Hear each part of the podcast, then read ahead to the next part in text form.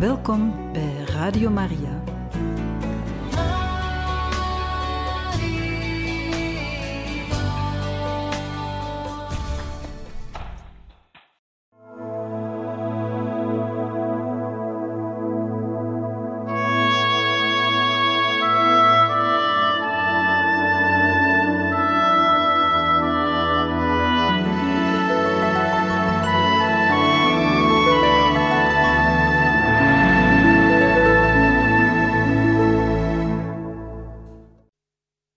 Damiaan officieel melaats.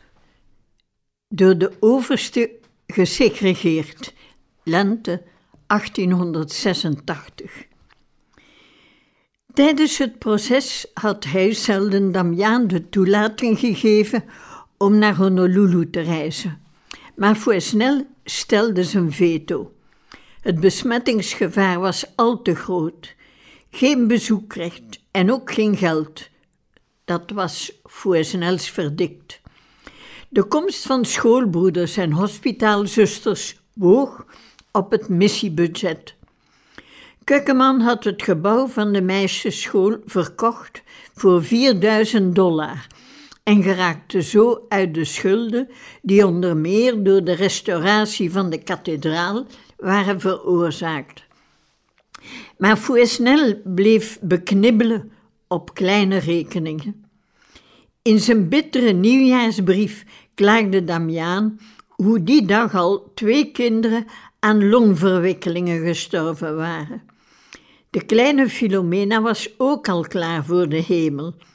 Hij schreef: Pater Leonor dreigt voortdurend om binnenkort een kleine toelage af te schaffen, die ik hem niet elke maand, zoals afgesproken, maar om de twee, drie maanden vraag, wanneer ik het nodig heb. Einde citaat. Hij had nog klachten. Citaat. Ik protesteer ook tegen de licht tyrannieke manier waarop de goede pater me hier wil opsluiten. Zolang mijn gezondheid het toelaat en de raad er zich niet tegen verzet, mag ik rondreizen. Waarom dan zouden mijn overste mij de bewegingsvrijheid die ik soms nodig heb ontzeggen? Einde citaat. Hij draaide ermee naar de generaal te schrijven. Damiaan had graag de winterretraite bijgewoond, want hij wilde naar Kakako om er de wonderbaarlijke Goto-methode te bestuderen. Deze therapie, onder leiding van dokter Masana Goto, de zoon van de uitvinder, bestond uit kruidenbaden die de patiënten geregeld moesten nemen, terwijl ze een bijbehorende medicatie innamen. Mensen die van Kakako kwamen, spraken over de nieuwe badhuizen die gebouwd werden omdat de behandeling succesvol was. Dr. Arning schreef het experiment af als kwakzalverij. Hij wilde louter wetenschappelijk werken en meende dat er bij sommige personen een vorm van aangeboren zwakheid bestond, waardoor ze ontvankelijker waren voor de leprabacil. In die zin was melaatsheid erfelijk. Midden januari 1886 nam Arning zijn ontslag omdat de raad bepaalde vergaande experimenten afkeurde. Hij bleef nog een paar maanden op de eilanden als toerist. Misschien hoopte hij dat het ontslag ingetrokken zou worden, zoals dat met Fitch was gebeurd, maar hij had tegen te veel schenen gestampt.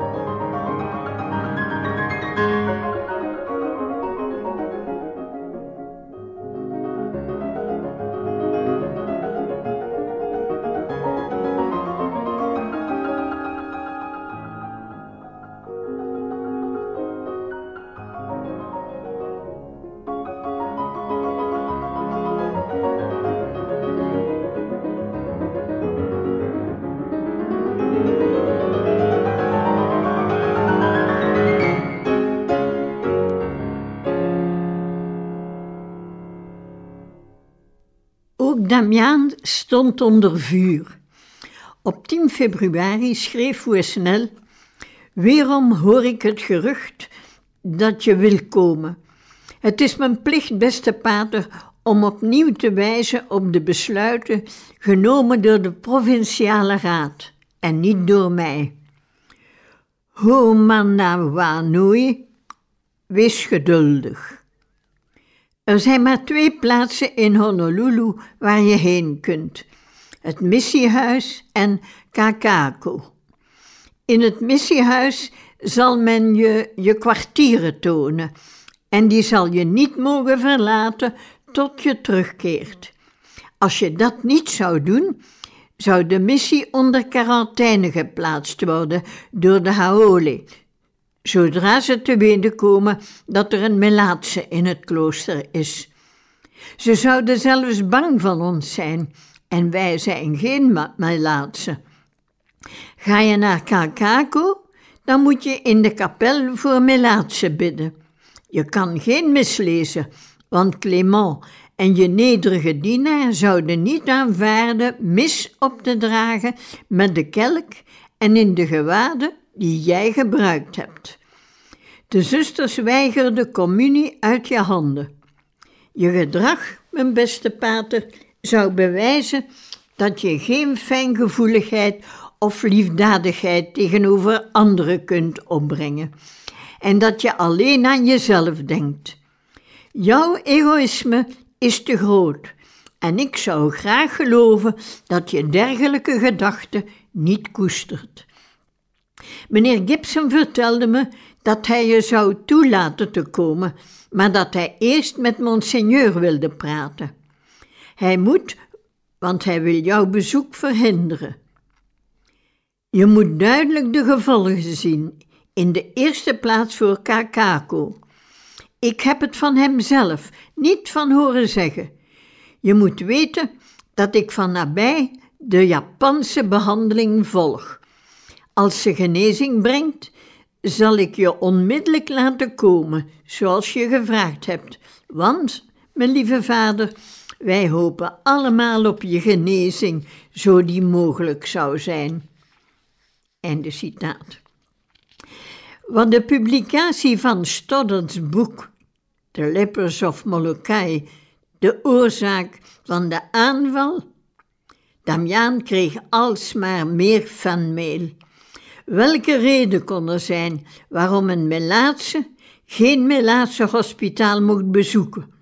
Hij kon zijn eigen gewaden en kelk meebrengen, tenzij dat men alle contact met de zusters wilde voorkomen.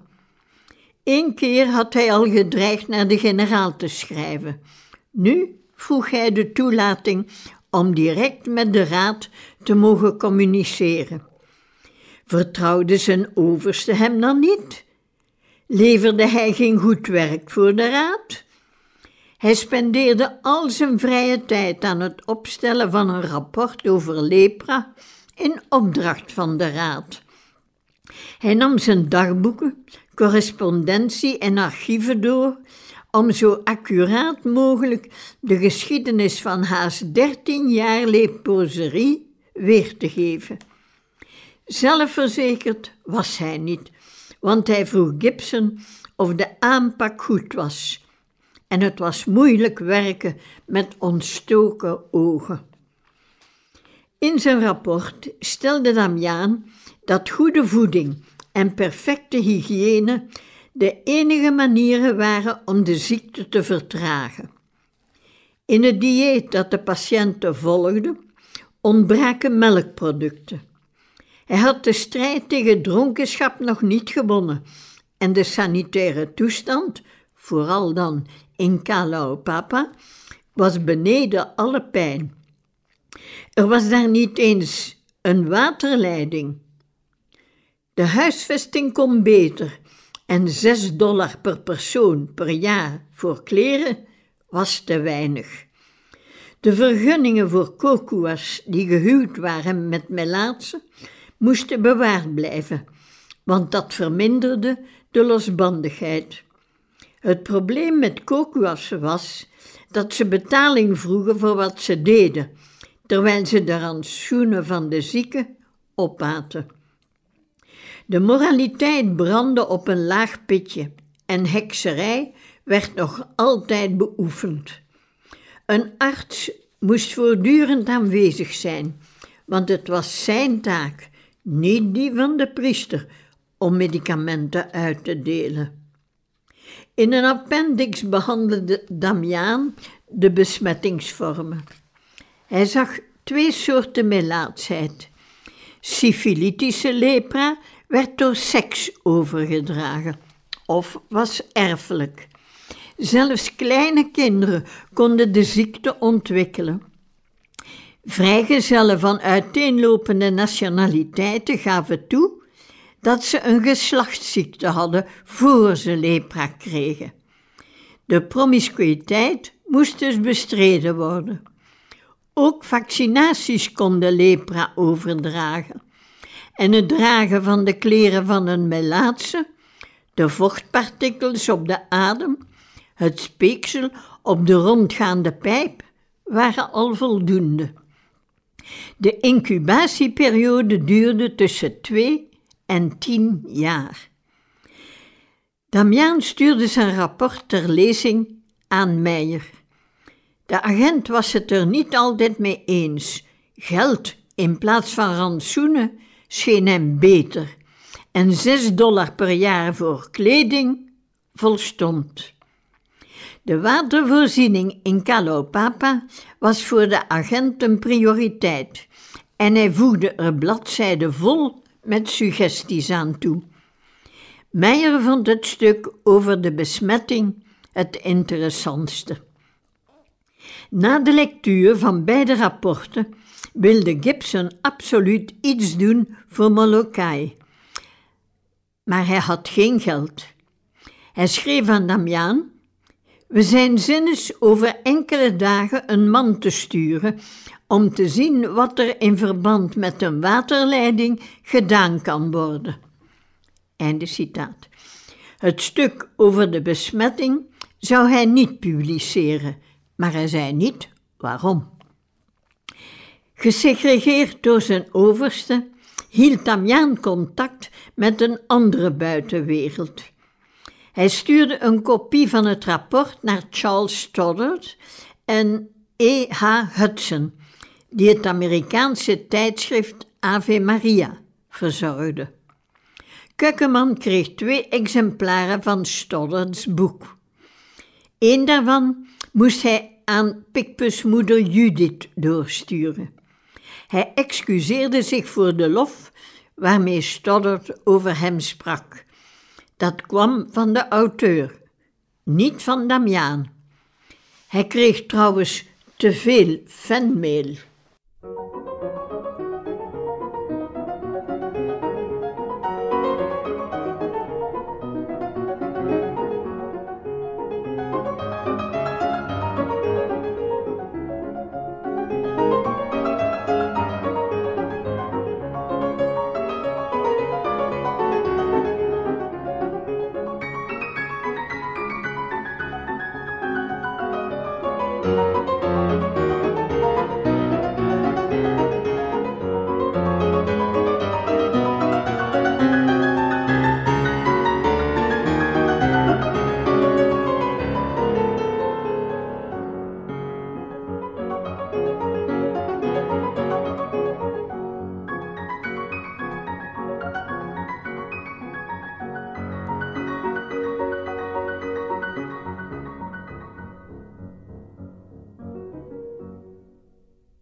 Tijdens de openingssessie van het parlement besprak Gibson Damiaan met naam en toenaam.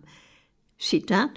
Het geval van Pater Damiaan, zoals beschreven in de rapporten van de dokters Arning en Moritz, is het meest interessante en waardevolle in verband met de besmettingsvraag. Einde citaat. Tijdens de Luna crisis. En een Luna is een superintendent. Tijdens de Luna-crisis in 1877 had Damiaan de raad beloofd alles te doen voor de zieken en de raad. Gibson haalde een stuk uit de brief aan. Citaat: Ik heb mijn gezondheid en alles wat ik in de wereld heb opgeofferd, en daarom moet u mij vertrouwen. Einde citaat. In hoogdravende bewoordingen wees Gibson op de belofte van kuisheid die Damiaan had afgelegd.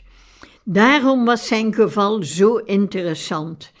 Dertien jaar lang al stond hij in nauw contact met de zieke.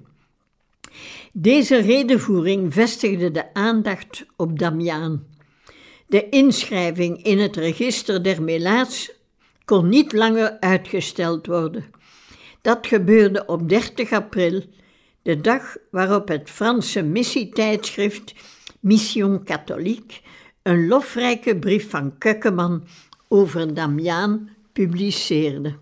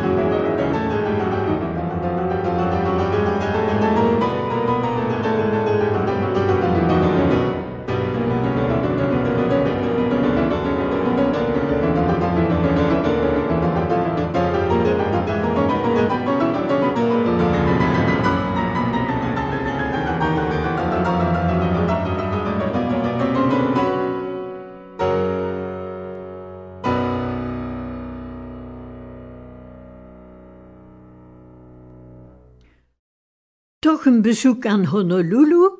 Vraagteken. Mei, juni 1886. In zijn leproserie wilde de Melaatse banneling de sacramentsprocessie speciaal maken. Dit jaar stelde hij voor om de koren van beide dorpen samen te laten zingen onder leiding van de blinde Petero. Het was een mooie dienst, maar Damiaan zat tijdens alle solo's op een stoel bij het altaar. Hij moest krachten opdoen, want de laatste tijd sliep hij nog nauwelijks. Telkens als hij zich op zijn gezwollen rechteroor draaide, schrok hij wakker van de pijn. Damiaan wilde na de dienst eerst iets eten, maar iedereen stond vertrekkens klaar. De man die het kruis zou dragen en de vaandeldragers hadden zich voor de fanfare in blauw uniform opgesteld. Een sterke man leidde met één hand blinde Petero en droeg in de andere een parasol. Het koor zag door dat scherm, het koor zag door dat scherm met moeite de aanduidingen van de dirigent, maar ze kenden het repertoire. Iedereen stond klaar, de engeltjes, de meisjes die bloemblaadjes zouden strooien, de toordesdragers, het kindje Jezus in een schaapsvacht. Damiaan moest wel de monstrans nemen. Plechtig stapte hij onder het baldakijn. Hij hoefde niet langer zijn pas aan te passen aan de invalide. Hij was er nu zelf een. Bij elke rieten rustaltaar stond een stoel waarop Damiaan moest rusten. Ambroos was bang dat hij zou instorten. Na de zegen was het feest op de missie. Hutchison had ruim voldoende vlees bezorgd voor de luau, het feest, en de sheriff, de beste visser, had zijn rijke vangst geschonken. Damiaan schertste dat de zee wel het meer van Galilea leek. Na afloop dankte hij iedereen, want die dag was een mooie roos op een doornenkroon. Hij dacht misschien aan de brief die hij net ontvangen had van de Anglikaanse predikant Hugh Chapman, die in Peckham bij Londen woonde. Citaat. Ik vraag God elke dag dat het niet lang zou duren eer u uw kroon zou ontvangen. En ondanks het feit dat ik nooit dicht genoeg bij u zal zijn om uw hart te zien dragen, verheug ik mij in uw kroning, terwijl ik buiten blijf. Einde citaat. Het epistel was begonnen, zoals al die andere brieven van mensen die Stoddarts werk hadden gelezen. Citaat. Het heilig sacrament betekent meer voor me sinds ik gelezen heb over een vrijwillige melaatse. Einde citaat. Eén zin bleef hangen. Citaat. Indien geld op de een of andere manier enkele noodzakelijke behoeften van de melaatse onder uw zorg kan verlichten, zal ik alles doen wat ik kan om 500 pond te verzamelen. Einde citaat. Had Damian geld, dan zou hij op Molokai faciliteiten voor de Goto-methode kunnen invoeren. Dr. Moritz bleef aandringen dat hij ondanks het verbod, naar Kakako zou gaan voor een kuur. De dagelijkse baden en een verandering van omgeving zouden hem goed doen. Overtuigd van de noodzaak van een dergelijk bezoek, schreef de arts aan Kukkeman. Pater Damiaans leven is zo hard en vreugdeloos dat een beetje ontspanning en een beetje verpleging van de zusters in mijn opinie goed zouden doen. Einde citaat. Colomben en Damiaan midden juni. Colomben had Damiaan midden juni bezocht en vond dat hij fel achteruit ging. Pijn en slapeloosheid verzwakten hem. De leproma's op het rechteroor waren afschuwelijk. Zijn handen waren aangetast en zijn gezicht was gezwollen. Psychisch ging het ook niet goed. Hij maakte zich zorgen over wat er van zijn parochie zou worden zonder hem. De nacht ervoor had men hem uit het bed gehaald, omdat er iemand in Pilikia was.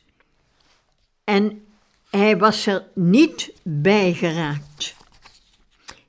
En Pilikia, dat is een moeilijke situatie. Dat schreef Colomben aan de bisschop. Maar hij voegde er niet bij dat Damiaan hem de brieven van Fouesnel had getoond. Bijsel, een al wat oudere missionaris, was diep geschokt en rapporteerde aan de generaal, citaat, Leonor verzuurt pillen die hij zou moeten verzoeten. Einde citaat.